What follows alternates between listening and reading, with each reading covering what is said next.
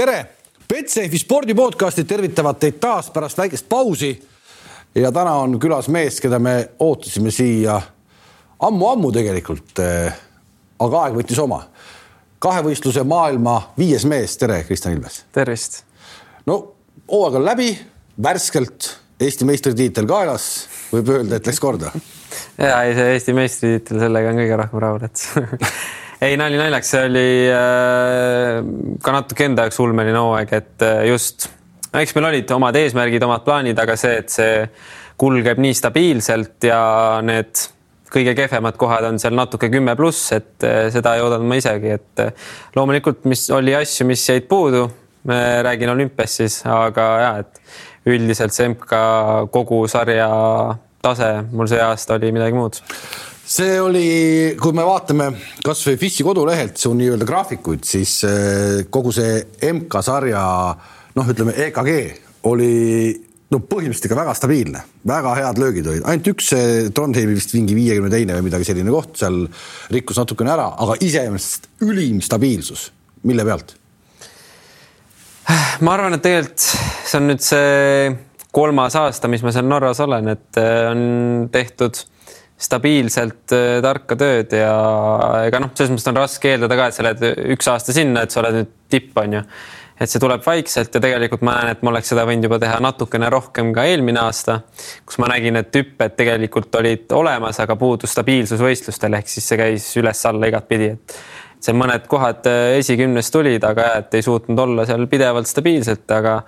see aasta ma juba nägin suvel ära, et tegelikult noh, mul trennis ei olnud niisugust väga ühtegi isegi halba hüpet, olid kehvemad, aga ei olnud halba hüpet, mis andis nagu eelduse, et okei okay,, et eh, loomulikult, kui sa nüüd võistlema lähed,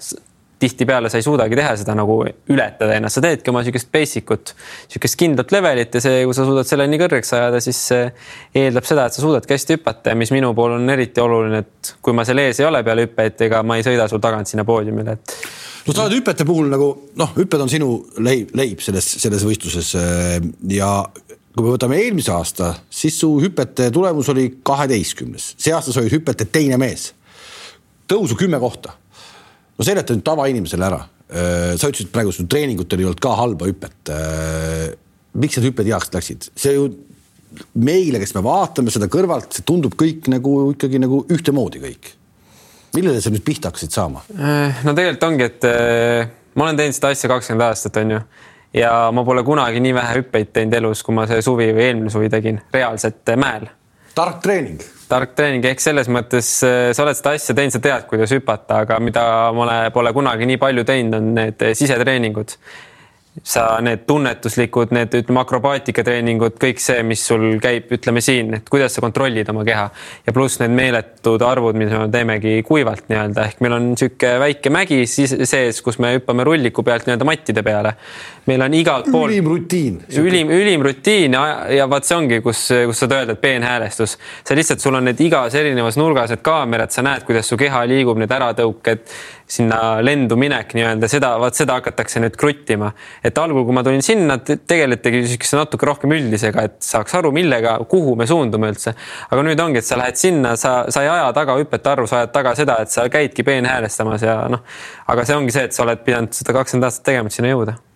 kas see on üks põhjus, miks sa ütlesid, et, et põhimõtteliselt sa, kui sa oleks pidanud Eestisse edasi jääma,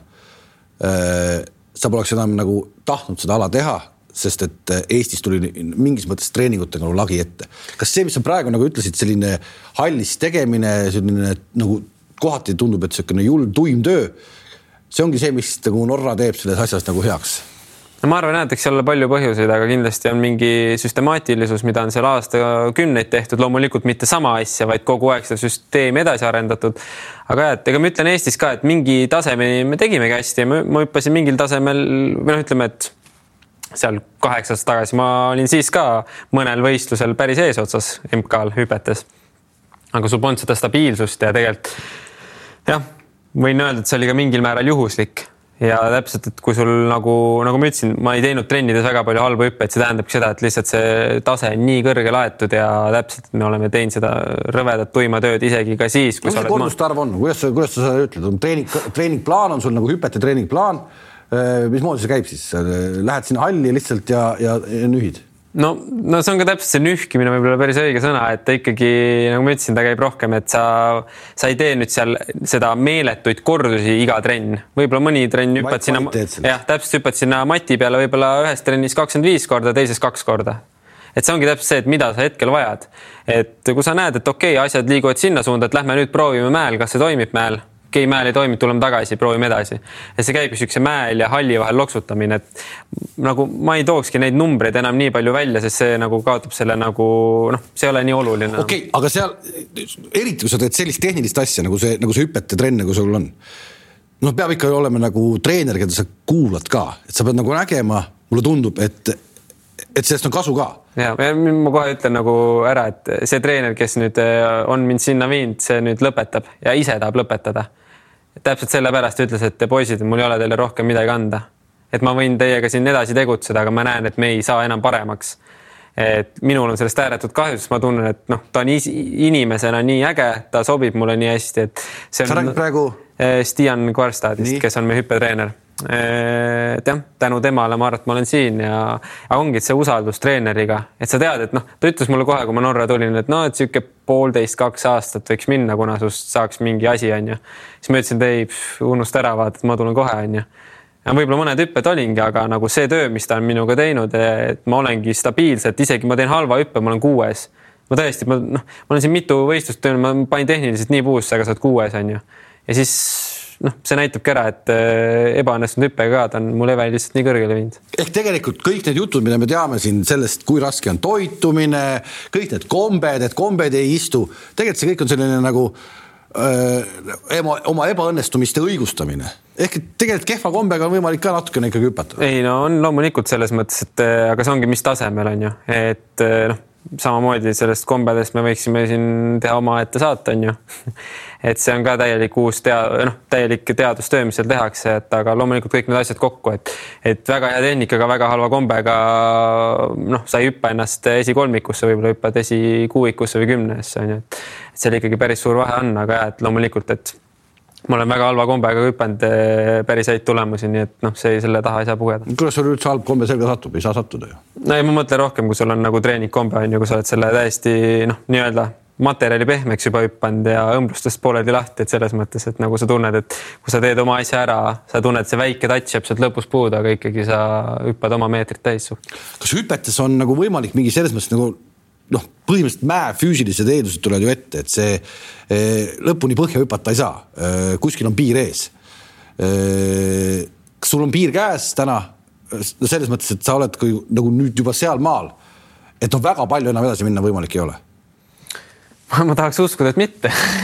ma tahaks uskuda, et mu piirid ongi lõputud, aga noh, olles nagu rea-, reaalselt mõeldes loomulikult, et mingid füüsilised äh, eeldused, omadused, mis on, seavad sulle ikkagi piire. ma arvan, et ma olen endale suht lähedal, aga kindlasti ma näen, et kui ma vaatan oma väga-väga häid hüppeid, ma näen, et okei okay,, et sealt natukene annab veel paremaks minna, aga mitte väga-väga palju, et aga loomulikult, et mis eesmärk on ikkagi seda keskmist taset veel tõsta, et see hüpe, mida sa teed võistlustel, et see ongi sinu tavaline level, et loomulikult vahepeal õnnestub, teed natukene, paned sinna midagi juurde veel, aga noh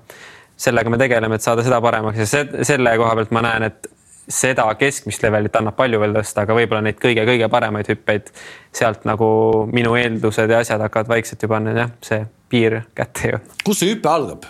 ütleme, et lased poomist lahti, sealt algab hüpe. mitmest, mitmest nagu liigutusest lõpuks hüpe koosneb?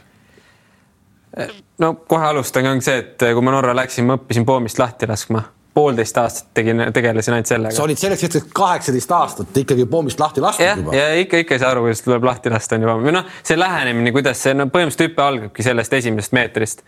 kui sa sellest valesse asendisse sealt juba lähed, ega sa võid teha seal otsa peal ükskõik mida tahad, sa oled vales asendis ja sa saad, noh, see on niisugune tagajärgede likvideerimine natuke. aga ikkagi, kui sa sealt leiad õige asendi sa põhimõtteliselt, sul on vaja püsida selles asendis otsani ja sealt hakata siis seda asja tegema, et, et noh, tegelikult ongi see, et. no okay,, oot, oot, oot, oot, oot. kuidas sa nagu, no me ikka tahame nagu jälgime seda, poomist lahti laskmine, sa oled seal poomi peal ja sa lased lahti kõik lasevad ühtemoodi no,. mida sa õppisid poolteist aastat? visuaalselt ja lasevad kõik ühtemoodi, aga tegelikult on erinevatel koolkondadel erinevad tehnikad. osad lükkavad täiesti teistpidi ennast, aga ongi see, et mida me võtsime ühe liini, millega me lähme ja me tegelesimegi sellega, et noh kui siis natuke detailidesse minna, ongi see, et äh, mida ma otsin, et ma saaks sealt nii-öelda poomilt minnes, et mul ei jääks puus maha ja põlved enda alla.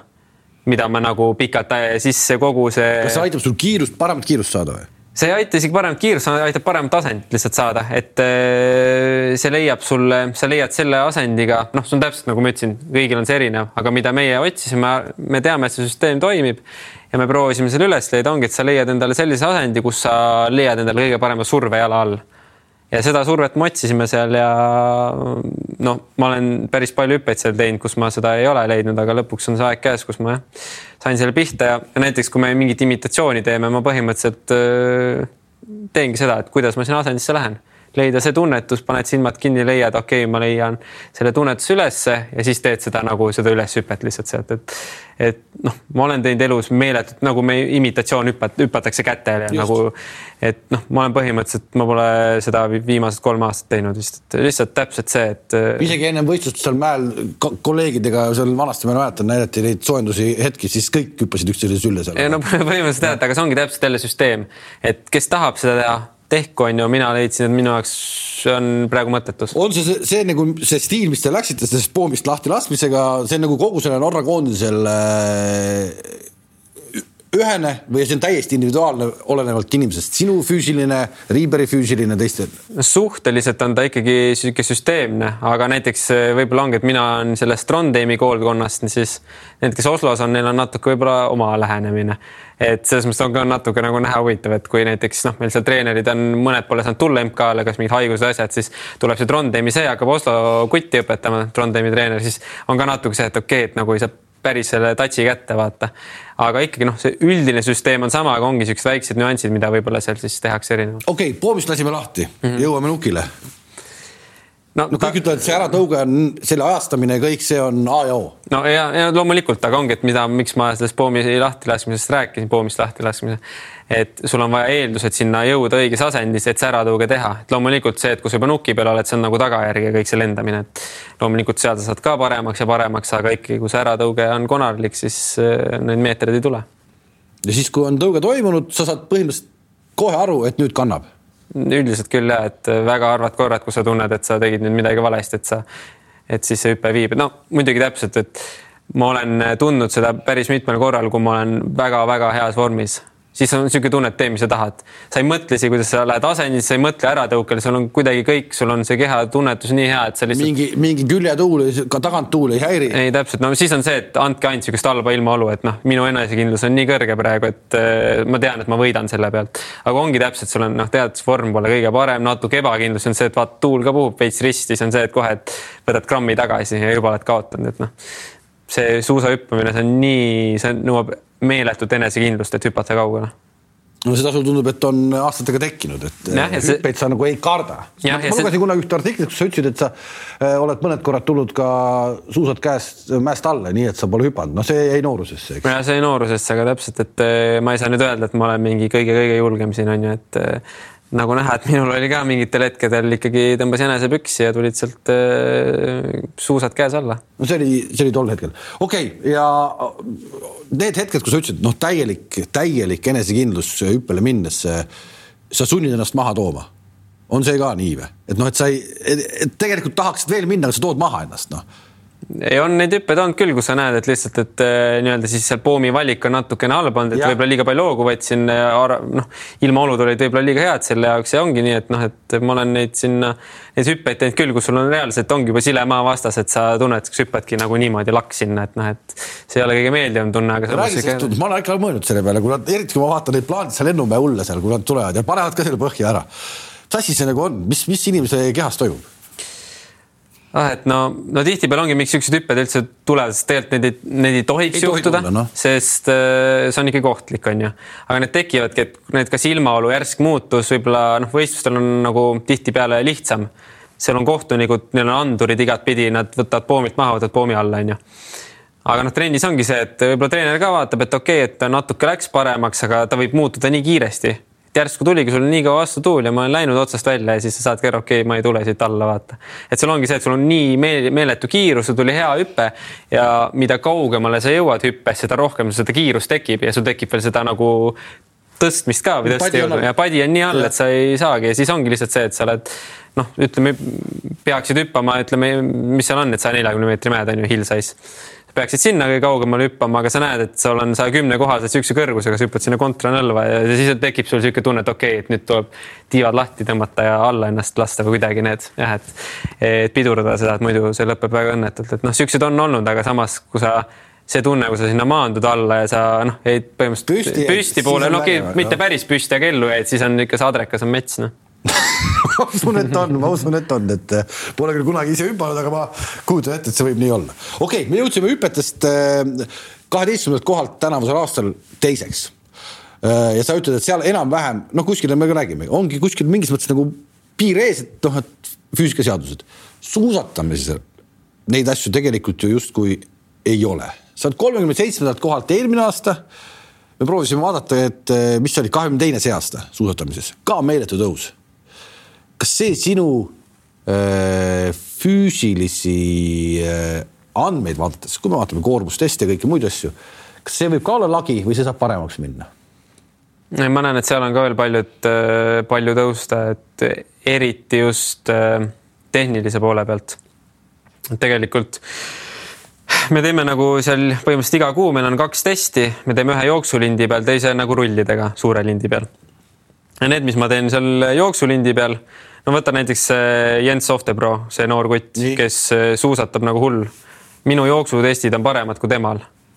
ja no see näitab ära, et tegelikult potentsiaali. sul võib minna küll ju. või võiks olla, aga pane mind sinna lindile. no muidugi noh, nemad on seda teinud lapsest saadik mina olen nüüd no, seda võib-olla kolm aastat teinud, et noh, see tasakaal, see tehnika, kõik seal on juba teine. aga no seal ma olen selgelt viimane noh, olin, võib-olla nüüd olen nagu vähemal, on ju. aga et noh, see näitab seda tehnilist oskust on suusatamise peal ikka päris vähe, et noh, ma nüüd tunnen, et esimene aasta, kus ma olen suutnud palju-palju ökonoomsemalt sõitma ja jah, suudan sõita. olukorras, kus su treener omal ajal oli Anatoli Šmigun, kes oli ju ikkagi suusatehnika mõttes, ma arvan ikkagi noh, maailma tipp jah, aga täpselt, mis ma ütlengi, et äh, me oleme Anatoliga teinud väga suurt tööd tollel ajal, aga täpselt, mis ma nägin, on tegelikult, et kui ma sinna läksin, siis teised kuidagi sõitsid teistmoodi üldse. aga mismoodi see oli, räägi see vahe. no kuidagi ongi, et nagu see idee oli, et ütleme, et kui sa näiteks suusatad, et võib-olla oli ka Anatoliga natuke, et peaks nagu jalga ettepoole astuma tõusu peal, aga mida norrakad teevad, nad põhimõtteliselt nad sõidavadki niimoodi, et nad ei tõsta kuskil jalg, jalad nagu enda all ja see nagu noh, see ongi täpselt see, et nagu sa ei saa füüsikaseadustele vastu kuidagi, et noh, ma, ma nagu ma ei ütleks, et Anatoliga midagi nagu otseselt valesti, aga võib-olla see lähenemine on teine, võib-olla tehnikad on erinevad, aga võib-olla lihtsalt ajastud on teised. võib-olla ongi seda lihtsalt seda teadustööd lihtsalt nii palju tehtud, sa näed, et sa ei saa füüsikaseadustele vastu sõita, et see on kõige kiirem viis edasiliikumiseks. kui palju see norrakas paneb nii-öelda Norra sport siis ütleme konkreetselt kahevõistluses või murdmaas, noh talispordialadel, kui palju nad panevad sellele nii-öelda sellele teaduslikule lähenemisele, et kõik on ikkagi nagu läbimõeldud, mitte ühtegi liigutust ei tehta niisama. selle jutu järgi mulle tundub, et seda tehakse nagu väga palju ja, ja, ja, ja mitte kunagi ei ole nagu sellist nagu, et nüüd on asi valmis mm., et kogu aeg peaks nagu, nagu edasi minema. on ja, et noh, ma neid summasid ei oska öelda, aga sealt ütleme kogu nii-öelda siis meie, meie mõistes olümpiakomitee eelarvest läheb ikka meeletu summa, see on noh, ma tõesti ei tea, aga need, see on ikka väga-väga suur summa. et sinna panustatakse meeletult ja noh, neil on nii palju teadureid ja noh, omavahel ka nad jagavad seda infot seal talade keskel, et kui leitakse kuskilt, et okei okay,, see asi võiks toimida, noh, toimib meil, et äkki idee, idee järgi peaks teil ka toimima ja see infovahetus ja kõik see, et noh, et noh, tänapäeva sport ei ole lihtsalt, et mine metsa, on ju, ja pane lõputult treeni, et noh, see kõik on nii detailseks aetud, et seda, mida me tegime, mida tegi näiteks kahevõistlejate punt maailmas viis-kuus aastat tagasi. täna need mehed, kes seal võib-olla eesotsas oleks ja sama asja teeks, nad oleks kahekümneski, et noh, see on nii palju muutunud lihtsalt ja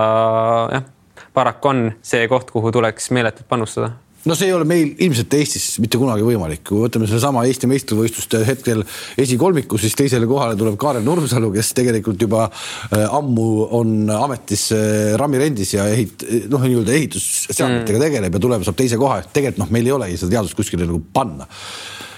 tuleme korraks selle juurde tagasi, kuidas sa sinna Norra said, sa ütlesid, oled öelnud, et sa ju ei oleks täna enam kahevõistleja, kui sa poleks sinna saanud, kuidas said sinna üldse? ah, ega seda ongi nagu niisugust ühtset vastust on raske anda, et see on niisugune võib-olla juhuste kokkulangemine, et noh, mina esimese kokkupuute tegin selle spordidirektoriga, kui ma ei eksi, siis kas Genfi lennujaamas Prantsusmaal. ise tegid? jah, või noh, tema tuli minu juurde. et ta näeb, et ma seal mingi üksi nii-öelda tolknen ringi, teen, teen mingit oma, omastavu sporti, et et pakkus, et tead, et neil ilmselt see Šveitsi poiss, kellega, kellel, keda nad ka hoidsid oma pundis tema vist lõpetab ära, et äkki proovime, tahad, et selles mõttes, kui huvi on, on ju. ja siis loomulikult, et ma nägin ka, et noh, see hooaeg on kõik tagurpidi läinud, võib-olla see andis ka eelduse, et nagu võib-olla oleks väga hea hooaeg, siis ma mõtlen ei, et saame hakkama, teeme oma asja, vaat. siis ma nägin, et mul oli täiesti nagu lootusetus, ma nägin, ma ei saa siit edasi areneda, et see on täiesti sein, et kas kõik või mitte midagi nüüd on ju. see tuli nii õigel ajal ja kõiki neid finantspoolt ka vaadates, siis nägime, et noh, igal, igal juhul see, et proovime, on ju, et, et.... aga kuidas on, palju sa pead katma, see eelarve, ma kujutan ette, ei ole väike, mis su peale hooaja jooksul läheb. kui palju sa pead sellest katma, palju sealt, ma ei tea, Norra paneb või kuidas see käib? ei no see on, kõik läheb meie poolt, et ega Norra ei pane midagi, see ongi sihuke, et noh, alguses ongi, et ma nägin ka võib-olla seda, et okei okay,, et mingi Eesti tüüp tuleb kuskilt ja noh, annab meile suht viisaka summa, et no siis proovime teda aidata ja vaadata, aga, aga ikkagi ma näen, et see ei ole kunagi olnud see põhjus, miks nad seda teevad, sest Norras nagu noh, see summa, see nüüd ei kata neil mingeid väga suuri kulutusi. pigem seda võib-olla kogu ala arendada, et kui ainult Norra, Saksa, Austria seal võidutsevad või on ees, see on ka nagu ebahuvitav, et tuua niisugust midagi uut sisse. põhimõtteliselt ise treenida endale, endale vastaseid, et oleks nagu huvitav. jah, see tundub ebaloogiline, onju, aga nagu me ütlesime, oleme väike ala, onju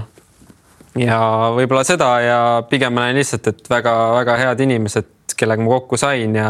inimesed, kes mõtlevad võib-olla õiges suunas, et. et noh, ma ütlengi, et seda on nagu, seda on nagu endalegi raske seletada, paljud, mis, mis asi see on nagu reaalselt siis, et ma ei oskagi öelda, et see lihtsalt hea, õiges kohas olin lihtsalt ja ma olin piisavalt õnnega koos, et sellest osa saada, ma arvan. no ma pakun, see peab ikkagi olema nagu äh, vastaspool ehk sina ka ikkagi õige mees, et äh, oleks sa ikkagi mingisugune äh, frukt eh, ja, ja asjad lendaksid ja, ja, ja, ja sa ei kuulaks ja võib-olla, võib-olla ei jätkaks ja, ei, seda küll jah, et nagu ma olen loomult suhteliselt selline, selline rahulik inimene, ma ei ole väga konfliktne inimene, võib-olla sihuke vahepeal liigagi tiimimängija et kindlasti see neile on meeldinud ja, ja noh, ma olen sinna punti sisse sulanud võib-olla lihtsalt eh, nii hästi, et nad näevad, et kui mind ka sealt ära võtta, ega see ei too teistele ka võib-olla kasu ja, ja ikkagi näha, et eh, on ka mul neile midagi anda, et et see on nagu esimene aasta nüüd, et kui on eh, tulnud mõned norrakad ligi, et võtavad mu hüppe lahti, hakkavad vaatama, mida ma teen seal on ju siis, et isegi Jarl vaatab. Ma, see oligi, et mis Jarlile nagu no ega talle väga ei meeldinud, et ma seal mitmes voorus Oslos, tema kodumäel, kust on kõigist üle kahes voorus hüppasin temast paremini, siis ta,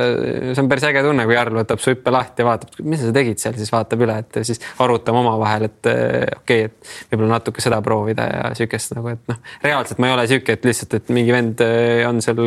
kuskil kaasas, et eh, aga ongi, et ma olen täiesti arvestatav eh, tiimiliige aga tunned sa kuidagi nüüd, kus sa sellel aastal mingis mõttes selle ukse lahti lõid, et, et äkki nüüd ikkagi on kuskil nagu norrakate lahkusel piir ees et nad ei taha võib-olla, et sa nüüd päris nii heaks saad, et see ei olnud nende plaan. saad sa aru, et võib-olla nagu, et lõpuks oled ikkagi sina oled eestlane, teised on norrakad. ei, jah, ei, ma olen isegi sellele mõelnud ja olles seal pundi sees, siis no tegelikult ma ei tea ma, ma ei, nagu ei tunneta seda, et see oleks, võib-olla ma olengi lihtsalt, et lipp on erinev, aga kuna ma olen nendega iga päev koos ja nad võtavadki mind nagu omaks, siis. Norra keel on suus? suus ma ei saa öelda, aga selles mõttes ma saan aru, mida nad räägivad ja, ja selles mõttes päris noh, loomulikult mitte nagu päris, päris kõigest, aga ikkagi, et kui mingi vestlus on, siis ma täitsa kõrvale ei jää sellest. räägid kaasa? jah, üldiselt inglise keeles, aga, aga selles mõttes, et ma üritan seal vestlustes olla aga nüüd on sul see leping läbi. nüüd on vaja uuesti see sõlmida. täna sul seda veel pole laual ei ole jah niimoodi allkirjastatud vormis, aga, aga noh, mis on ka nagu äge tunda, et see spordidirektor ja treenerite poolt on ikkagi väga tugev tahtmine, et ma jätkaks.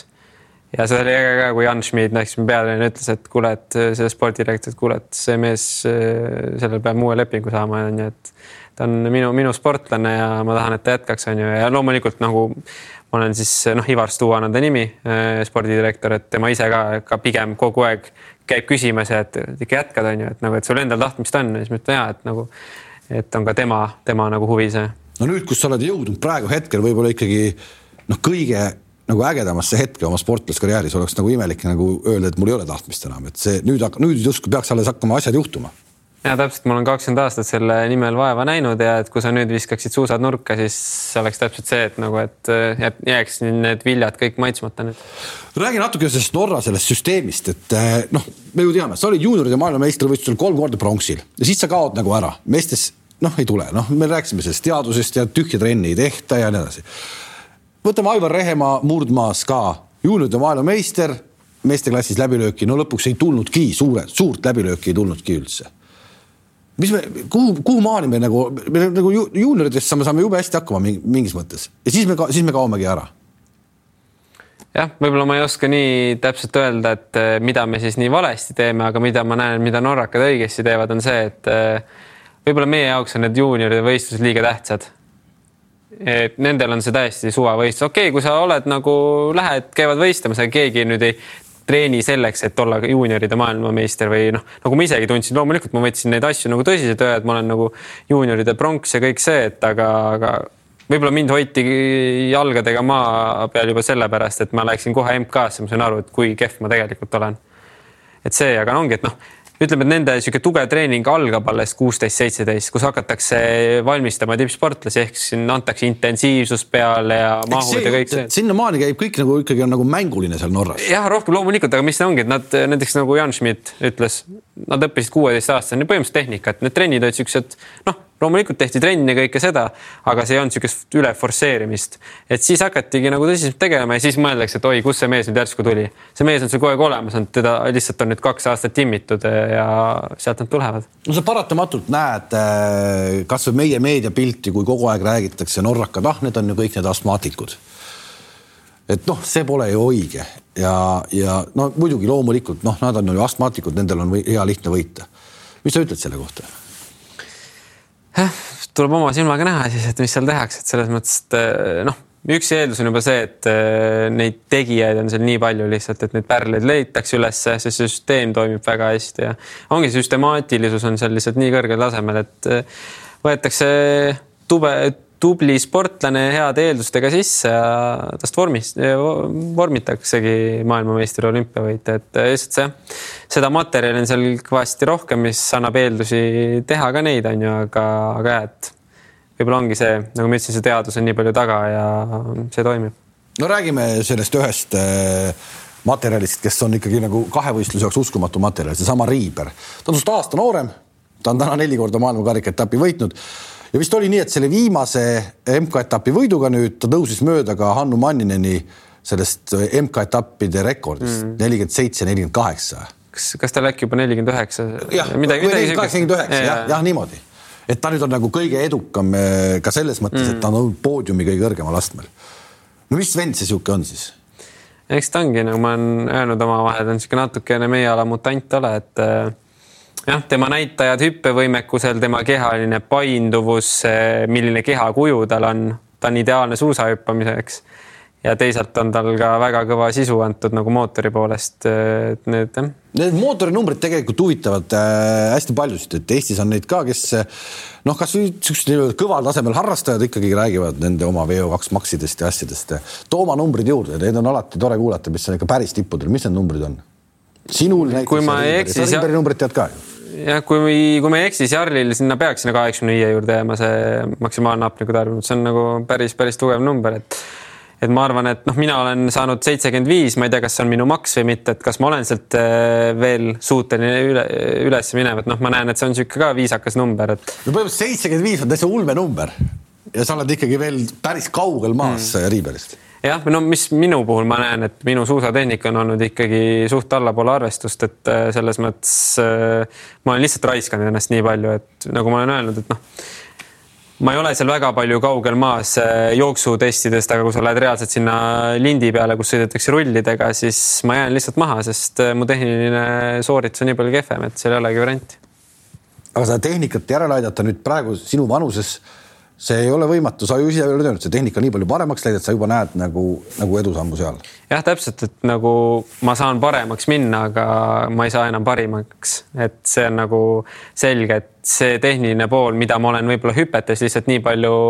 omandanud noorest saadik on lihtsalt see tase on palju kõrgem ja see suusatamine on isegi alati natuke teisejärguline asi. et vaat see on täpselt, mida ma kindlasti muudaks, kui ma saaks uuesti alustada, et see pool korda, siis oleks mu eeldused veel kõrgemad, aga. aga mis hetkest nemad siis nagu sellise suusatehnika äh, reaalselt kasutusele võtavad, et sa ütlesid, et noh, et tegidki kuueteistkümnenda eluaastani tehakse nagu tehnikatrenni. Nad hakkavad siis päris väiksed peale ja, ja kõik, kõik ongi see, et sa teeksid asju õigesti ja täpselt jah, et noh, vaat selles vanuses sa õpid ka kogu aeg või sa oled nagu võimeline omandama neid asju, et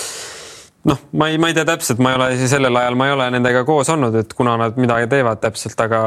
aga üldiselt ja et äh, kõik see tasakaal, mängulisus, selline, et sa tunned ennast suuskade peal väga kindlalt, see loob ikkagi eelduse, et sa suudad ka seal tehniliselt vabalt, ökonoomselt nende suuskade peal ka kiiresti sõita. et noh, need asjad on paika vara, varaselt äh, juba ära pandud äh, ja siis jah, nii ta on su sinna minek, noh, sa ei olnud enam päris laps, kui sa sinna läksid, eks, et see on ikkagi üle kahekümne juba olid. Eh, on palju noorematest peast, kes lähevad ja hakkavad üksinda nii-öelda elama. see, see algne minek oli kuidagi võõrasse keskkonda keerulisem ka, keeruline ka või, või kõik oli täpselt nii, nagu sa arvasid, et võeti hästi vastu? jah, ma arvan, et ma olen selle koha pealt ikka nii palju peksa ka saanud, et eh, see sattus just sinna Covidi aega onju et põhimõtteliselt oligi, et kõik need treening, võistlusreisid, esimene aasta vist oli okei okay, ja pärast seda oligi mm, -hmm. siis äh, oligi järsku niimoodi, et kui sa tahad koju minna, siis arvesta sellega, et äh, siis istud kaks nädalat karantiinis, vaata, et noh, me ei saa sind sisse võtta, sest no Norral on need eriti karmid need reeglid, juba see oli hästi-hästi keeruline, et sa pididki istusid lihtsalt kuude kaupa vahepeal põhimõtteliselt üksi, et aga, aga see tahtmine, et see üle elada, see jah, ette võtta, see nii-öelda teekond ja loobuda väga paljudest asjadest ja kõik see pere pool ja kõik need olid no,, need olid väga rasked, et selles ellu jääda, see pidi palju tahtejõud olema, aga, aga jah, et see kindlasti ei ole kogu aeg nagu roosiline olnud, et pigem ma näen nüüd, et äh, need noh, ma ei saa öelda nüüd, et ma oleksin mingi hullult kannatanud või need kannatused, aga ikkagi, et eks väga palju ole pidanud loobuma asjadest ja et ja nüüd oled äh, siin, siis muidugi ütled, et okei okay,, tasus ära onju. saatuse iroonia, et kõik see nii-öelda eemale jäämine kõigest, äh, isegi mitte kodus käia, et mitte nakatuda, hoida nakatumusest eemale. ja siis te nakatute Riiberiga hetkel, kui üldse seda teha ei tohi. Teid hoiti ju tegelikult põhimõtteliselt ikkagi ka sinna olümpiale reisides võimalikult nii, et ei nakatuks, aga ometigi ei, see on uskumatu ja et see tundub täpselt nii, et mida rohkem sa teed, et mitte seda saada, siis lõpuks ikka saad, onju. et ja, et no tegelikult kogu see hooaeg me olimegi, me olime Austrias laagris ennem seda Seefeldi MK-etappi, mingit noh, kontakte midagi ei olnud. ja siis jah, et kus sa selle lõpuks üles korjad, no põhimõtteliselt elasid ikka täielikku mungaelu, et noh, ma ei ole mitte kuskil saanud käia, noh muidugi see ongi nagu ma, ma nagu ei virise selle pärast, et see peabki nii olema, et kui sul on mingi kindel asi, millele sa panustad, siis sa peadki ohverdusi tegema, onju, aga aga ongi see, et, et, et see just see nakatumise pool, et nagu tõesti, et noh, seal muutud täiesti paranoiliseks juba. sa kardad kõike ja kõiki, mis liigub, onju, et ja lihtsalt ma ei tea, peidad ennast põhimõtteliselt ja siis ikka saad selle, vot siis tekib see tunne, et nagu kuidas see võimalik on ja siis pigem sa süüdistad ma ei tea, süüdista inimesi, süüdista ennast, süüdista lihtsalt kogu seda asja, et no kuidas see saab lihtsalt võimalik olla. kas tagantjärgi oled sa nagu kuidagi mõelnud, kust te saite selle siis, ainult lennujaamast või mujalt vist ei olnudki võimalik saada jah, no kui seda peiteaega nüüd võtta on ju, siis see võis jääda kuskil sinna pühapäevasse päeva, et kui me teisipäeva õhtul andsin selle Hiinas selle positiivse testi on ju, et siis noh, see peiteaeg võiks ju ka kaks-kolm päeva olla, et kas siis pigem juba seal laupäeval või pühapäeval, sest noh, tegelikult ongi huvitav see, et need mehed, kes hüppasid täpselt mina, Terence Weber, Erik Frenzel, need kõik jäid ja me hüppasime Seefeldis iga päev koos et pigem on see midagi sealt tulnud, et see arvat-, noh, arvatavasti kukub ära, et see tuli sealt kuskilt nüüd sealt lennukist, et pigem. see natuke oli ennem sees ikkagi. ma arvan, et ta oli ennem sees ja tegelikult ma nagu natuke tundsin ka, et noh, ma eeldasin muidugi, et võib lihtsalt okei okay,, et nagu keha natuke väsinud ja kõike see, aga tegelikult see Seefeldi esitused ka, et ma olin põhimõtteliselt nagu väga-väga heas vormis noh, Klingenthalis peale seda tegime seal laagrit, keha toimis suurepäraselt ja siis tunned see nädalavahetus, no kuidagi keha on tühi, et ma eeldan, et võib-olla kuskilt see tuli juba siis noh, kas ta oli juba siis sees või hakkas tekkima sealt, ma, ma ei kujuta ette, aga ma arvan, pigem see läks jah, kuskile sinnakanti. Täna on vähe Eestis, üldse maailmas ilmselt inimesi, kes on näinud lõpuni välja, et tema test, mis ta on teinud on negatiivne. ka ise hiljuti olin siis nende hulgas, kes nägid seda positiivselt ja kuidagi sihuke imelik tunne ikkagi oli, ehkki mitte ühtegi sümptomit ei olnud mm.. aga sinu see hetk, see esimene hetk, kui sa vaatasid seda testi tulemust. ma olen praegu Pekingis ja see on positiivne. jah, ega ma seda paberil algul ei näinudki Marti Raju tuli minu juurde, et ma tulin trenni, siis mõtlesin, et, et miks Marti järsku minuga nagu minu tuppa tuleb, et mis, mis värk on, onju. tol hetkel ma nagu muidugi ei saanud aru kohe ja siis ütleb, et kuule, et su esimene see, no mis sa siin nüüd olümpiakülas äh, tegid see test, et see on positiivne, et noh, vaata, ma andsin tegelikult juba lennujaamas äh, sellel samal hommikul negatiivse testi, et siis tood noh, et nüüd on nagu, nüüd on asi korras, onju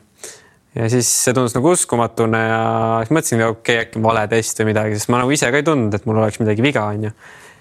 ja siis see teine test, noh, siis tuli järsku sihuke asi nagu need eh, CT väärtused, mida, millest ma ei olnud põhimõtteliselt varasemalt väga palju kuulnudki ja huvi tundnud ja siis hakati neid seal vaatama, et noh, see järjest langes, ehk siis on näha, et on nagu nakatumine päris mm -hmm. suur onju ja siis tuli teine ja kolmas test ja järjest läks see allapoole ja noh, siis sain aru, et ega siin pääsu pole, pääsu pole ja siis ma sain ühe öö veel olla olümpiakülas, siis järgmine lõunasõit võeti mind sinna vangikongi siis nii-öelda, et siis. no see oli konkreetne vangikong, seal ei olnud mitte midagi, sa ei saanud, sa ei saanud nagu õues jalutamas ka käia. ei no see ongi, sa läksid sinna tuppa, siis noh, ta on nagu hotellituba on ju, selles mõttes, aga millegipärast oli sinna akna ette pandud veel sihuke väike ketike ka, et see käis täpselt nii palju lahti ja siis oli sihuke võrestik ka veel akende ees, tundus küll, et no nii, et äh, ma ei, mis asi see nüüd on, et tundsid ennast natuke nagu mingi kurjategijana, selles mõttes oli päris ulme, et aga jah, muidu oli nagu tavaline hotellituba ja ja noh, esimesed päevad ega seal väga palju süüa ka ei toodud midagi, mida oleks kannatanud süüa, et noh, ma, ma pole kunagi olnud väga pirts toiduga, aga no see oli tõesti suht robustne, et ma seal esimesed päevad vist oota, mis, mis siis menüüs oli? No mingid siuksed, täiesti toit oli külm alati, siis oli sihuke mingi väga rasvane mingi väike lihatükike ja siis mingid kuivanud asju ka, mis ma ei tea, mis asjad need olid, et selles mõttes nagu tagantjärgi ma ütlen, et kui sul on nälg, sa sööd, vaata selle, seda ma nüüd ma ütlen kohe ära, et, et ma hoid mingi viriseb toiduga, no sihukest asja ei ole, et aga lihtsalt tollel hetkel võib-olla see trots oli ka nii suur, et, et siis tunduski kõik nii mustades toonides, et eh, pigem oli juba see, et loomulikult ma oleks näljas on, ma loomulikult ma söön ära, et nagu pole küsimustki, aga lihtsalt see, et see trots kogu maailma kõige vastu, et kõik on nüüd nii halvasti ja siis. aga noh, ma olin vist omadega nii, see stress ja see pinge, see oli nii suur, et ma vist kaks päeva põhimõtteliselt ma magasin ainult ja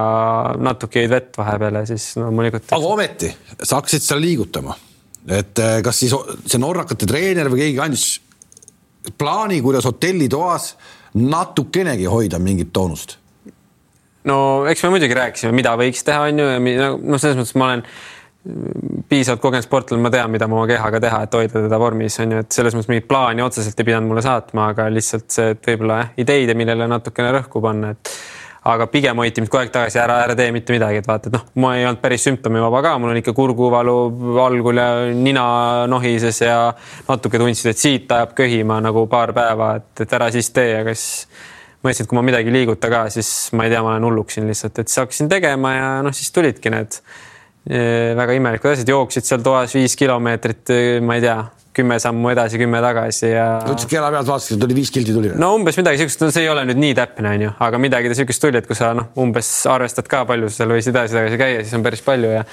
ja noh, siis ma lõpuks sain ratta sinna, mis oli väga suur töövõit nagu Eesti Olümpiakomitee poolt, et äh, seda tegelikult ei tahetud sinna saada, öeldi, et lõhub seda hotellituba ja ja mm -hmm. ei mhm. lubatud, aga see suruti läbi, mis aitas palju, et see reaalselt noh, muidugi no mis aitab jalgrattas sulle nagu suusatamis väga palju mitte midagi, on ju, aga lihtsalt, et sa hoiad keha liikuvuses, toonuses ja mida ma noh, kokkuvõttes kõige rohkem tundsin puudust, ma ei saanud nagu kangiga kükkida nii-öelda. ehk mu jalad olid nagu selles mõttes makaronid, mul oli paindumine oli nii hea, muidugi ma tegelesin oma kehaga, painutasin, et aga noh, see ei tule nagu väga palju kasuks siis, kui sa pead reaalselt hakkama nüüd võistlema ja suusatama ja tugevalt lükkama, siis ma tundsin, mu keha on lihtsalt tühi. no sa oled ju öelnud, et sa läksid põhimõtteliselt äh, sellele võistlusele lõpuks peale nagu mingi põhimõtteliselt külavõistlusele, et noh, et tuleb, mis tuleb, ega midagi siin on nagu on, eks mis hetkel noh, ja hüppemäel muidugi super sooritus, sinna pole midagi öelda. mis hetkel sul on kadunud mälust suusarajal, et enam ei mäleta, kus sa oled ja mis sa teed? ma arvan, et ma nüüd natuke valetaksin, kui ma ütleks, et ma nagu mitte midagi ei mäletanud lõpus, aga täpselt nagu mida ma tundsin, oligi, et siukest nagu natuke noh, tagantjärgi seda mälupildid, ma mäletan, ma olin seal tõusu otsas, siis ma olin seal kurvis, mäletan, siis tuli see lõpp sinna staadionile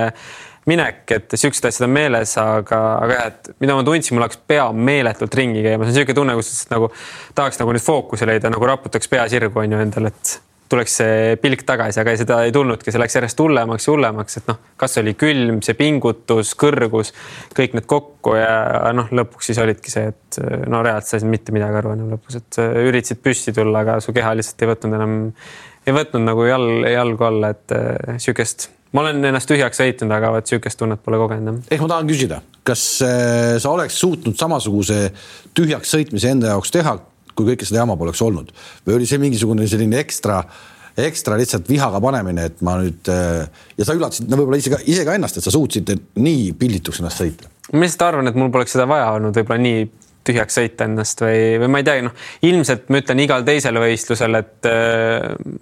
ma ilmselt poleks starti läinud sellistes oludes, sellistes tingimustes. aga noh, see oli olümpiamängud, sa stardid siukse koha peal, et, et mitte nüüd, et olla nagu allaandja, vaid lihtsalt puhtalt, et äh, hoida mõistust ja sul ei ole vaja seda oma kehale teha praegu. et jah, no see vastus küsimusele, siis ma ilmselt eeldan, et ma ei oleks suutnud sihukest pingutust teha, kui ma ei tea, võib-olla oli kõik see, nagu ma ütlesin, see trotsu sees, see viha, see kõik asi ja ja ikkagi kuskilt leiad selle lisamotivatsiooni, et niimoodi endale kehal haiget teha. olümpia üheksas koht ei ole üldse kehva tulemus, eriti vaadates tänase päeva kahevõistlust. mulle tundub kuidagi, et kahevõistlus elab äh, päris vägevat äh, perioodi. okei okay,, Riiber on äh, omaette mees, aga see seltskond, kes poodiumilt läbi käib, on päris päris suur, neil üle kümne mehe, kes tänavusel aastal poodiumile jõudsid, isegi viisteist äkki või? jah, seal või on täitsa viisteist, kuusteist meest, kes on see hooaeg poodiumil olnud, et see on müstika, et sihukest asja pole olnud ka, et nagu ma arvan, et televaatajad nägid ka, et see, mis toimus seal nendel viimastel tõusudel, viimastel meetritel, et kui, kuidas vahetusid liidrid, kuidas vahetusid, noh, sa vaatad, sul ei ole varianti või nagu sellel mehel ei ole varianti, kes praegu viies on, et ta võidab ja järsku ongi seal, et noh muidugi see rada, kõik siuksed asjad tegid, lõid eeldused, et sihuke asi võiks juhtuda. aga, aga ja üldiselt see tase on nagu nii palju tõusnud ja ma ütlengi, et äh, nii hüppe kui suusatase, et seal ei piisa ainult sellest, et sul üks ala väga tugev, kui sul teine on natuke kehvem, sa ei ole seal, et sa pead mõlemat suutma väga-väga hästi. ja sa oled selles pundis täna sees ja sa oled stabiilselt selles pundis sees, mis toob, mis toob nagu minu jaoks äh, mängu ühe uue, uue asja et sa pead hakkama, vanasti ma kujutan ette, et sa läksid võistlustele, tuleb, mis tuleb, kahekümnes, kolmekümnes saad rääkida, et suus klibises, ei libisenud. aga nüüd sa oled nagu ikkagi sellises pundis sees, kes jagab kohti. kas see taktikaline pool, kas selline asi on ka olemas või pannakse, kõik panevad lihtsalt kogu aeg nii nagu äh, silmad rullis või on mingi taktikamäng ka? no praegu ma näengi, et kui sa oled juba füüsiliselt nii tugev, et sa suudad seal ees olla, on ju, siis lõpuks loebki väga palju taktika loomulikult on mingid võistlused, kus võetakse jõuga ära, aga mingitel on lihtsalt see, et äh, noh, näiteks ma ütlen, et see Valdi Femme võistlus, kui ma neljas olin, ma lihtsalt teadsin, et need mehed, kes mul on, ma ei tea, kas nelikümmend või viiskümmend sekki tagant tulnud, ma näen, et ma olen kogu aeg suutnud varuga sõita ja ma tunnen, ma olen suhteliselt heas vormis, et see ei saa olla võimalik, et nad nüüd sõidavad minust üle, vaata. ja siis ma üritasingi lihtsalt oma kohtadest võidelda ja ollagi, et kui seal nüüd viimaste tõusude peale läheb, et ma olen pundi sees ja nagu näha, Kaiger pani minekut, kui ma poleks seal olnud äh, pundi eesotsas, mul poleks mingit varianti olla neljas. et noh, sellistel hetkedel sa juba hakkadki tajuma, et noh, sa pead kogu aeg kohtades võitlema, et seal ees olla ja, aga seda mõtlevad kümme-teist meest ka. ja siis tihtipeale ongi see, et esimesed võistlused lihtsalt must sõideti üle nagu olid ka sihuke, et okei okay,, minge, et umbes, et noh, ei tahtnud väga teiste keppide suuskade peale astuda, aga nüüd ongi see, et sa oled aru et muud moodi see asi ei toimi, et sa pead lihtsalt natuke hullu panema, et, et oma koha eest võidelda, sest kõik tahavad sinna poodiumile jõuda. ja noh, kui sa oled nüüd mitu korda juba suutnud ja näha, näitanud, et ma ei ole mees, kellest üle sõita, siis hakatakse sind aktsepteerima ja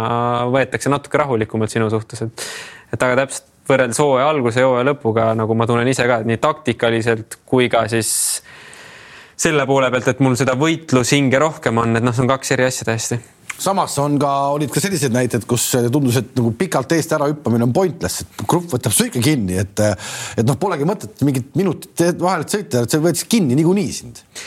Jah, kui sa vihjad sellele Seefeldi võistlusele, siis äh, see oli täiesti, et noh, et, startida nelikümmend sekundit ees, see on juba niisama natuke ulme, onju no.. loomulikult ma, kõik õnnestus mäel, võib-olla seal olid tuuleolud ka, lugesid, onju.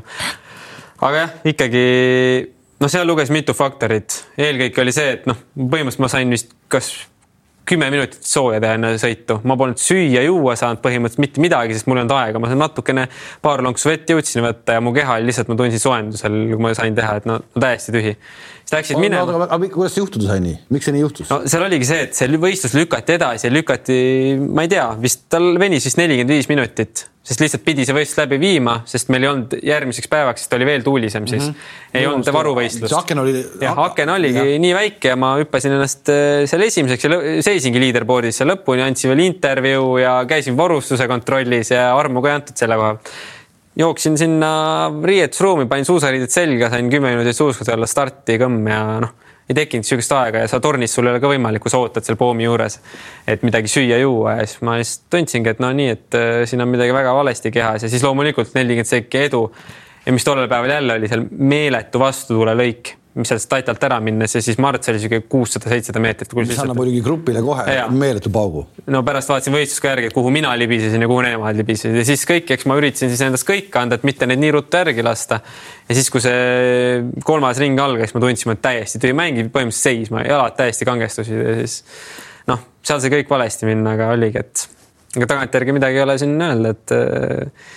ma ei tea, kas ma oleks saanud midagi paremini teha või mitte, aga selline see paraku on, et. Äh, aga kui aga... kohe, kui kohe nii-öelda passima hakata, et ootadki kohe grupi järgi, et ei raiskagi ennast seal. Äh, ja oledki kohe terve sõidu siis ka grupis sees.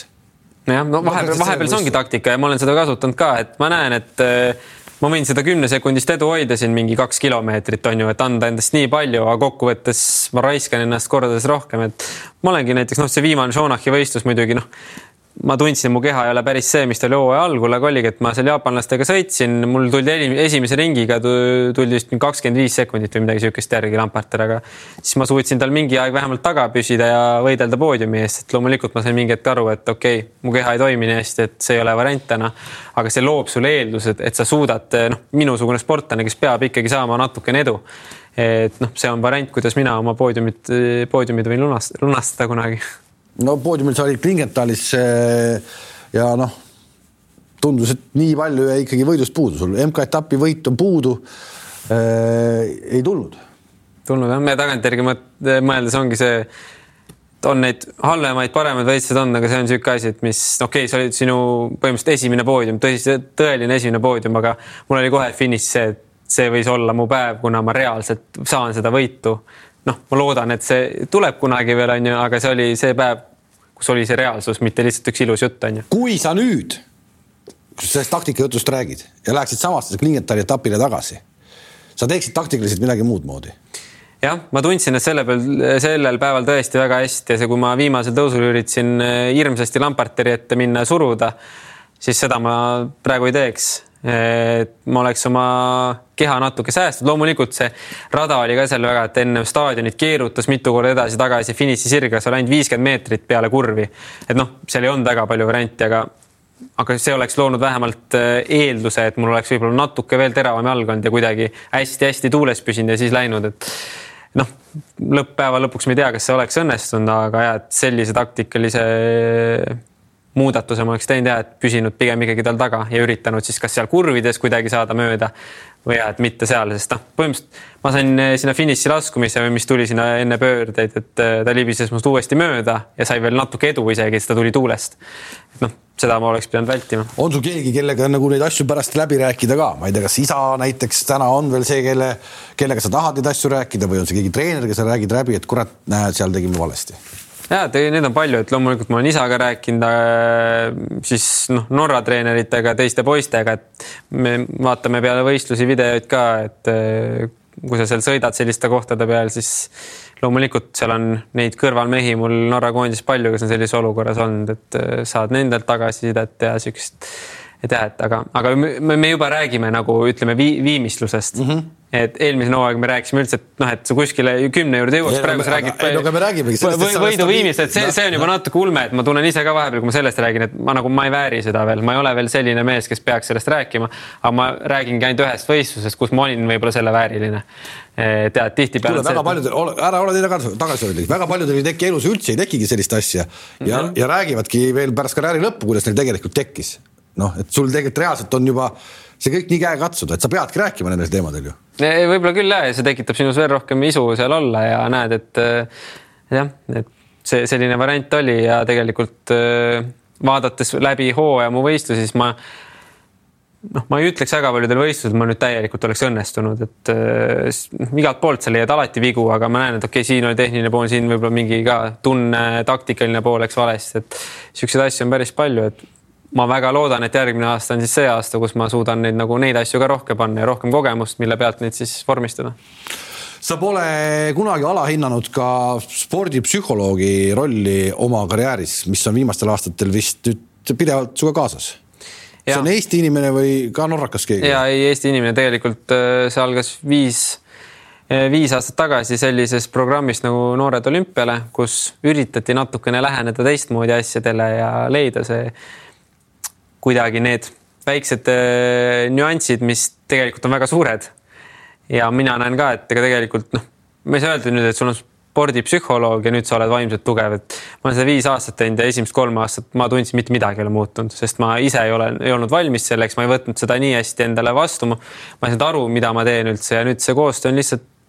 viinud selleni, et ma usaldan seda inimest täielikult. Ta on,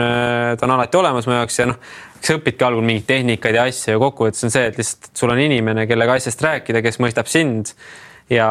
oskab su natukene neid eh, mõtteid ja asju suunata ja kokkuvõttes. kas ta suunab sind natukene ka selliseks nagu rohkem killeriks või selliseks nagu äravõtjaks, et, et sa julged need tema jutu põhjal võtta võib-olla ette midagi sellist, mida sa ise muidu ei taha. Kui me räägime, et sul on viisteist, kuusteist matsi, kes tahavad saada poodiumile, siis paratamatult kuskil läheb ju mingi selliseks nagu nügi, nügimiseks ka rajal ja päris korralikuks, eks võib-olla me pole lihtsalt eh, sinna jõudnud, sest seda pole vaja läinud, sest eh, võib-olla jah, me võtame selle kavva, et eh, me peame ka seda asja arutama, onju. aga hetkel, mis ma olengi kõige rohkem niisugust nagu enese aktsepteerimist ja asja olnud, et sa reaalselt, sa suudad leppida sellega, kus sa oled hetkel. sa oskad võtta sellest vormist, sellest olukorrast, milles sa oled maksimumi. sest tihtipeale on see, et noh, mul ei olegi vaja olnud rohkem teha kui oma asi ära, et väga hästi sooritada. aga ma olen nii palju lihtsalt allapoole teinud et alustada lihtsalt sellest, et sa suudad teha oma heal tasemel hüppe, hea suusa, kõik need asjad ära. loomulikult me saame alati vinti peale keerata, aga kui me suudame nüüd paar aastat tegeleda sellega, et me teemegi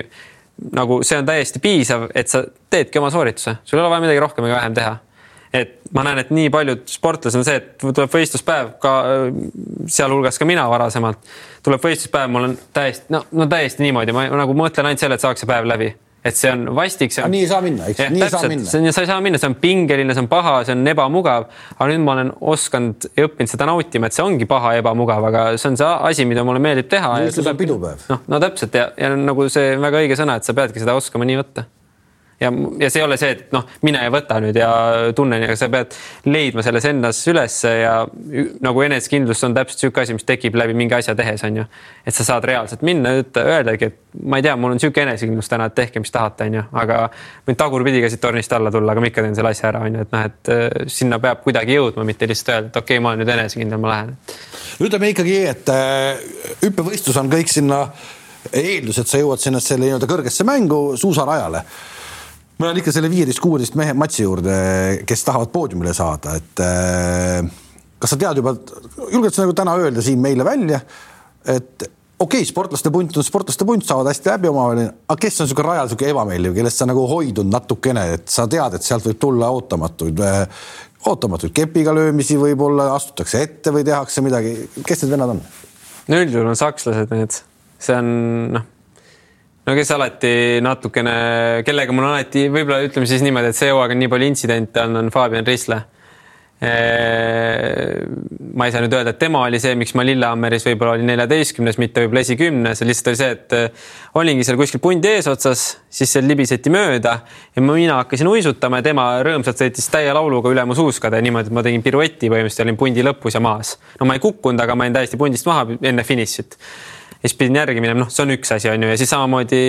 sõit, tegi ta seda Otepääl, et äh, seal kuskil, ma ei mäleta, enne hobusarauda lihtsalt sõitis mu suuskadest nii palju üle, et noh, ma kaks kohta kaotasin selle pärast, aga see ongi täpselt see, et tema on seal ees olnud kümme aastat, ta teab neid nõkse, onju. ja ma ei saa seda talle pahaks ka panna, et ta ongi agressiivne. osad on muidugi näiteks vaata jaapanlased, noh. Need on sihuke, et natukene neid nügid on kohe, sa tead, et sul on koht olemas, sa oskad neid nuppe vajutada seal onju. aga näiteks, kui sa sakslasega nii, ta ei lase sind vahele sinna, noh et noh, seal ongi, et sa tead mingite meeste nii-öelda tööeetikat ka. aga oled sa ise valmis, kui sa ütled, et sa pole seal varem olnud, et nüüd sa oled, sa saad aru, et seal on ikkagi nagu tõsine positsiooni pärast heitlus käib. kas sa ise oled valmis olema selline või jääd sa pigem, ma näen ja vaatan sind, sa oled selline äh, väga korraliku laste, lastetoaga vend, võib-olla sa ei olegi, sa oledki selline Jaapani stiilis mees ja astud ka kõrvale kogu aeg.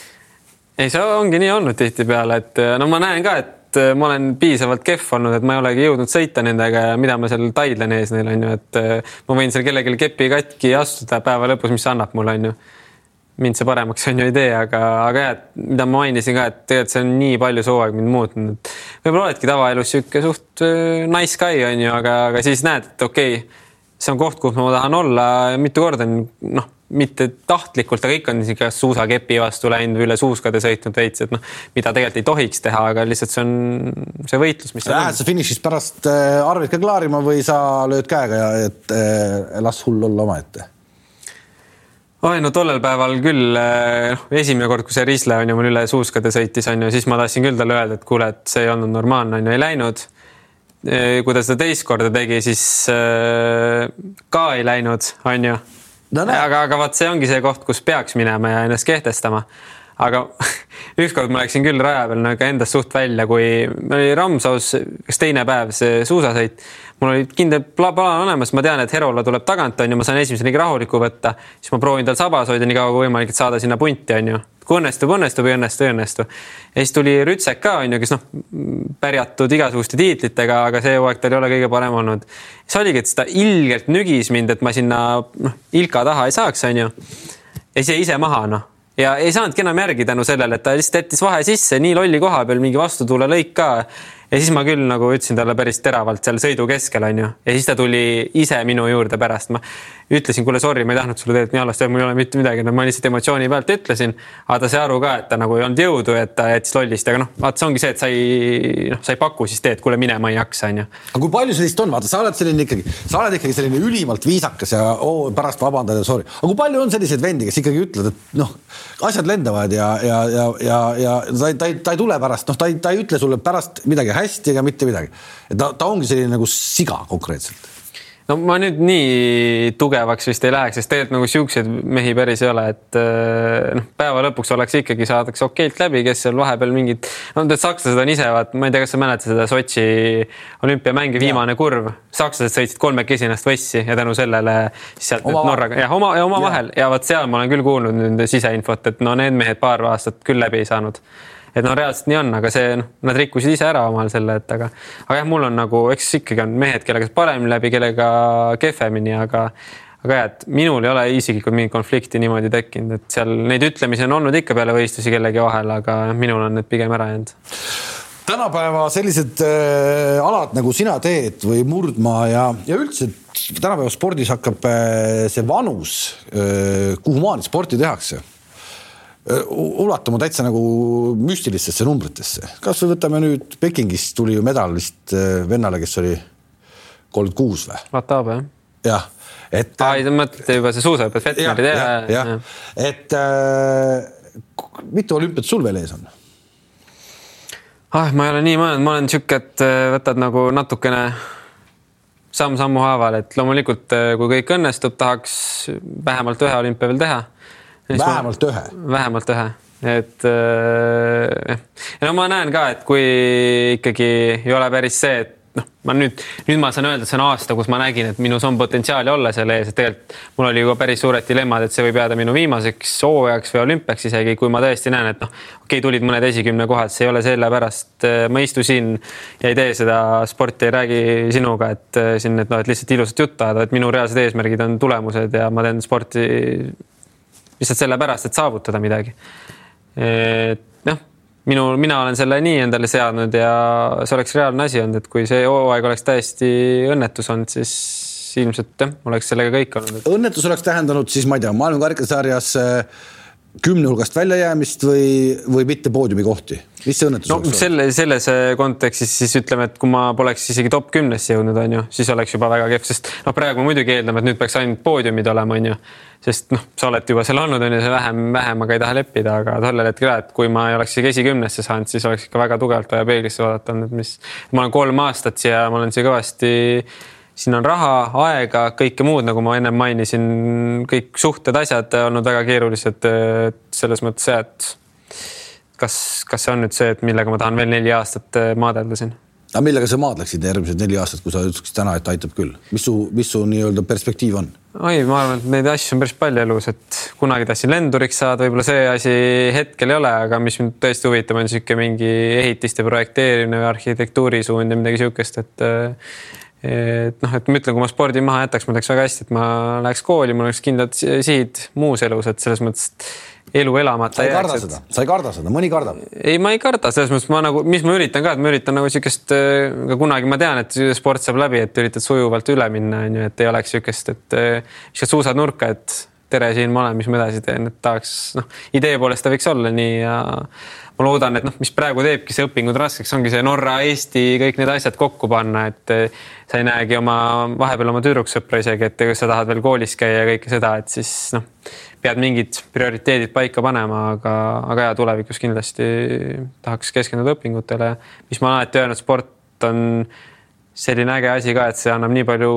uusi kontakte, suhtlusvõrgustik kasvab, et et on väga-väga äge, kui sa saad Eesti tippettevõtjatega siin laua taga mõnusat juttu ajada ja oled nagu oma mees neile, et selles mõttes on lihtsalt äge ja siin tahaks tänada ka kogu seda punti, kes meil on ja sponsoreid, kes on minusse nii palju uskunud ja panustanud siia päris kõvasti. palju sul on neid üldse, Maru ehitus vist on äh, aastaid kuidagi? ja, et Maru on olnud ja noh, selles mõttes ongi, et praegu on peasponsorina kaks aastat Connecto olnud. Graanul Invest, Ramirent, Alexela, CFC. mis su hooaja eelarveks kokku tuleb siis? ah, tead, ma numbritesse vist kusjuures, kui ma ütleks isegi võib-olla, ma ei tea täpset numbrit, sest äh, õnneks nagu on sealt äh, Suusaliidu poole pealt Rauno Loit on hoidnud mind sellest päris kaugel. et tema on selle võtnud kohustuseks, vastutuseks, mina teen oma asja, et ma ei ole väga palju uurinud ka, et minu eesmärk see, et äh, minu need asjad peavad olema täidetud, mis mul vaja on ja, ja siis on hästi tulemus on see, mis äh, annab sulle ka teatud EOK mingisuguse stipendiumi. kui sa nüüd poleks äh, Pekingi starti läinud sealt ebainimlikest tingimustest, sa poleks tulemust kätte saanud, kas sa oleks kaotanud ära mingisuguse raha või? või sa? Ma ei, ma isegi täpselt ei oska öelda, et il, ilmselt võib-olla jah, või nagu selles mõttes, et ega ma seal B-kategoorias ei olnud ennem ka, et ega mul ei olnud midagi kaotada selles mõttes, et et äh, jah. oota, kuidas süsteem on, sa ei ole, sa saad täna EOK-st, kui palju sa saad toetust, kui see? no see on see B-kategooria sportlane, et eks siis igaüks saab ise vaadata, palju see toob sisse või. sa oled B-kategooria sportlane? jah, et noh, see top kümme jah, see tõi B-kategooria sportlaseks mind, et, et jah, aga, aga ma ütlengi, et me oleme ehitanud nii tugeva sponsorite baasi nende aastatega üles, et selles mõttes tänu neile ma siin istun ja nad ei ole sulle selga pööranud? ei ole ja selles mõttes, et äh, on ettevõtteid, on inimesi, kes on minusse uskunud isegi siis, kui ma olingi seal kuskil kakerdasin taga, et selles mõttes ju siis must nähti potentsiaali ja võimekust seal olla ja selles mõttes nüüd on mul endal lihtsalt ülim hea meel äh, näidata neile, et nende investeeringud või nende toetus ei ole õhku läinud, et selles mõttes, kui sealt ei ole saadud mingit äh, kuidas ma ütlen siis, suurettevõtjad mingit rahalist tagasi, no ütleme nii palju raha tagasi, siis loodan, et palju emotsioone kindlasti. kahtlemata emotsioone palju, aga me peame kõiki neid emotsioone taga otsima kusagilt äh, välismaistest telekanalitest, kui tihti te nagu oma toetajatega või kasvõi oma nii-öelda lähedastega saunaõhtul arutate, et kurat, miks, miks Ilves ei ole televiisoris Rahvusringhäälingus? no võib-olla Ilves ei olnud piisavalt kõva mees siis, et olla seal, et selles mõttes eks näe, mis tulevik toob, et äh, siin mõtteid on ja et see võib-olla võiks seal olla kunagi. et töö käib selle nimel ühesõnaga sa ei taha midagi otse öelda, aga sa saad aru, et töö selle nimel käib, et me järgmine aasta näeme maailmakarikasarja ka, ka eestikeelse kommentaariga. see oleks minu unistus ja ma arvan, et siin Suusaliidu poolt ja minu, meie sponsorite poolt, et loomulikult, et noh, ma näen, et need vaatajate numbrid olid Eestis päris, päris suured ikkagi. kui ma ei eksi, siis seda nädalavahetust vist, mis meil Eestis oli, vaatas, jah, Otepääl vaatas peaaegu pool miljonit äh, eestlast. ma ei tea, mis erinevatel ajahetkedel, mingid numbrid ma olen kuulnud, vist mingi nelisada viiskümmend tuhat midagi. kes sattus vaatama? jah, kes sattus, kes ja, vaatas, on ju, aga numbrid olid midagi sihukest, et selles mõttes huvi oleks päris suur ja nagu näha, siis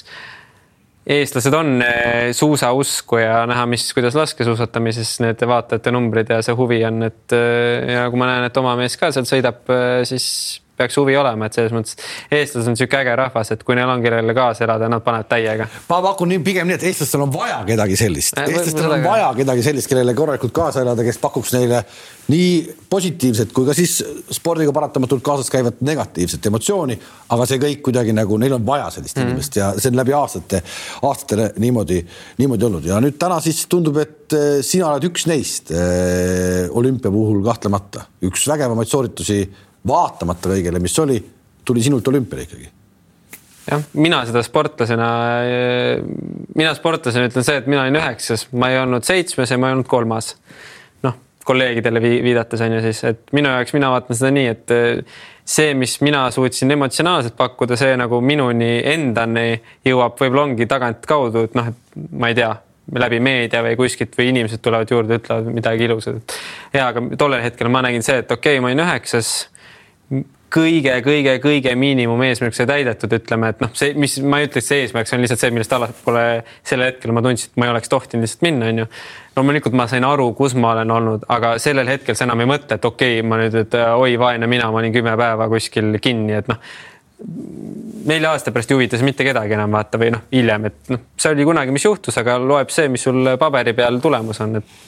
et jah, et ma ei ole selle taha kunagi peitnud ennast ka, et oi, ma olin nüüd äh, natuke tõbine ja olin kinni, et äh, võtsin olukorrast maksimumi selles mõttes päeva lõpus olin üheksas. näeb su, kas sa näed ise või keegi treeneritest helistab noortest, äh, et noored hakkavad rohkem võib-olla seda ala avastama taas jälle, et sinu, sinu nimi on hetkel ikkagi päris palju, palju nagu pildis, et kahevõistlus elab, ma ei tea, noortesarjades siis head elu ja, ja ma arvan, et tegelikult see on juba iga aasta nagu tõusuteel olnud ennem ka seda, et ma loodan, et see aasta tuleb neid veel rohkem lapsi ja on nagu meil ilusaid äh, talvi Eestis. et jah, ma loodan, et see on nagu sihuke koht, mis peaks olema number üks, et kui meil ei ole noori, kasvõi noori, kes lihtsalt tulevad fun ima, siis meil ei ole üldse varianti, et meil kunagi keegi siin eesotsas on, et loomulikult, et kui sa sealt juba neliteist pluss vanuses oled, siis peab hakkama muud protsessid tööle, et sinu eesmärgid, sinu mõtted, kuhu sa jõuda tahad, toetus, ma ei tea, süsteem. et see on teine asi, aga jah, et, et juba oleks meil lihtsalt noored, kes tegeleks sellega, see on juba suur eeldus selleks. no üks noor on äh, sinust neli aastat noorem, Andreas. tegeleb veel või ei tegele? no Andresel oligi selles mõttes hästi keeruline hooaeg, et oli ka seal Norras, ta üritas anda endast parima, siis siis tal see hooaeg kuidagi noh, oli suhteliselt ikkagi keeruline, ta ei saanud seda tagasi, mis ta tahtis, siis ta noh, ta läks äh, füsioteraapiat Tartu Ülikooli õppima, et äh, siis ta panustas päris palju sinna ja ja loomulikult ta tegi ka sporti tugevalt, ta tahtis saada olümpiale, et sinna ta ei saanud, siis ta nagu lõi selleks hooajaks natuke käega, et et ma olen talle alati öelnud, mina ei ole see, kes sind ütleb, et sina pead sporti tegema, see on su vaba valik, aga ma näen, et temas tegelikult on potentsiaali ja ta võiks seda teha, et selles mõttes ma näen, et plaanid see mm on tulekul ja see kaheksas koht, mis me tegime seal paari sprindis, see võiks üle lüüa. see oleks uhke küll ju, see oleks kahtlemata uhke. uhke oli sinuga siin rääkida ka kahtlemata ja, ja ma loodan, et järgmisel aastal tuleb see maailmakarika etapivõit kahtlemata ära. ja kui sa kõiki neid teadmisi, mis sa oled saanud Norrast ja sa sportlaskarjääri lõpetad ja sa neid kuidagi ei too siia Eestisse edasi siis see oleks ka ju raiskamine ehk et äkki sul ei olegi muud valikut, kui sa pead hakkama seda asja edasi viima siin Eestis, kui sa kunagi lõpetad. jah, eks ma olen isegi selle peale mõelnud, et tegelikult äh, see oleks ressursi raiskamine natuke, et tegelikult neid teadmisi ja just ongi seda vahetut kogemust, et üks asi on see, kui sa saad paberil mingid andmed kätte või siis sa saad reaalselt äh, tea, noh sa saad edasi anda, mida sa tundsid sportlasena, mida sa tegid, kuidas sa tegid, kuidas see protsess välja nägi, et et jah, siin on äh, selles mõttes, ma olen alati öelnud, ma olen äh, väga avatud, kui keegi tuleb minu juurde ja tahab sellest osa saada, siis äh, siis lähme, on ju, aga, aga ja et ma näen, et mina ei lähe kellelegi midagi peale suruma, et oi, me teeme Norras niimoodi, et tehke ka nüüd, et äh, kokkuvõttes on see, et vot sport on nii vabatahtlik asi, et kui sa seda ise meeletult ei taha, siis on sinust nagunii ei tule mitte midagi, on ju, et et jah, kui ma näen, et on noori, kes väga tahavad ja tunnevad huvi, siis ma olen nende jaoks olemas ja ka treeneritele. aga et ma ise nüüd midagi kuskilt tea, et vägisi kellelegi peale ei suru. kuidas sa puhkad, sul on nüüd hooaeg läbi kas ongi mingi selline hetk, et kus sa võtad oma tüdruksõbra, keda sa võib-olla näedki aastas kaks korda ja lähete kuskile soojale maale või sa ei ole selline puhkaja? Tegelikult ma ei ole sihuke puhkaja, aga mõtlesime, et teeme väikse erandi on ju, et see aasta võiks minna, et me sihtkohta veel ei ole välja valinud, aga kuskil tahaks minna, et selles mõttes noh, tegelikult oleks veel see nädal Norra meistrivõistlused ja seal mingid muud üritused, aga ma ütlesin treeneritele ära, et minu hooaeg lõpeb äh, siin koduste võistlustega, sest äh, kogu see lõpp peale Covidi või peale olümpiat ja peale Covidit on mind tühjaks tõmmanud, mul on vaja natukene käsipidurit tõmmata ja ja ma loodan, et saab vähemalt niisuguse nädal-kaks kuskil ennast välja lülitada. igal juhul ilusat puhkust sulle ja aitäh, et tulid ning kõikidele Betsafe spordi podcasti vaatajatele siis äh, soovime ilusat kevade algust. katsuge ka puhata, kui võimalust on ja kohtume uuesti kahe nädala pärast